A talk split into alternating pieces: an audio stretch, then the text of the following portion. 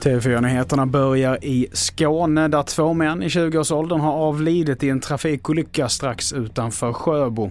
Det var vid lunchtid som olyckan var framme när männen som satt i en personbil krockade med ett träd. Vidare till att nästa vecka så har statsminister Ulf Kristersson ett möte med Turkiets president Erdogan och nu gör den svenska regeringen en vändning och tar avstånd ifrån den kurdiska milisen YPG och dess politiska gren.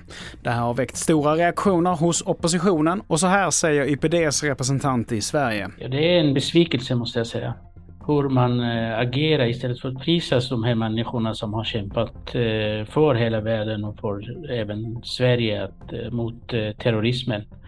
Eh, tillsammans med en koalition som består av 80 länder, bland annat Sverige och USA i ledningen. Och till sist, regeringen meddelar nu att man nästa år kommer att avsätta 5,8 miljarder för att behålla den tillfälligt höjda nivån på a-kassan ytterligare ett år. Ersättningen höjdes tillfälligt under pandemin och detta var en av punkterna som de olika partierna kom överens om i Tidöavtalet. Fler nyheter hittar du på tv4.se. Jag heter Mattias Nordgren.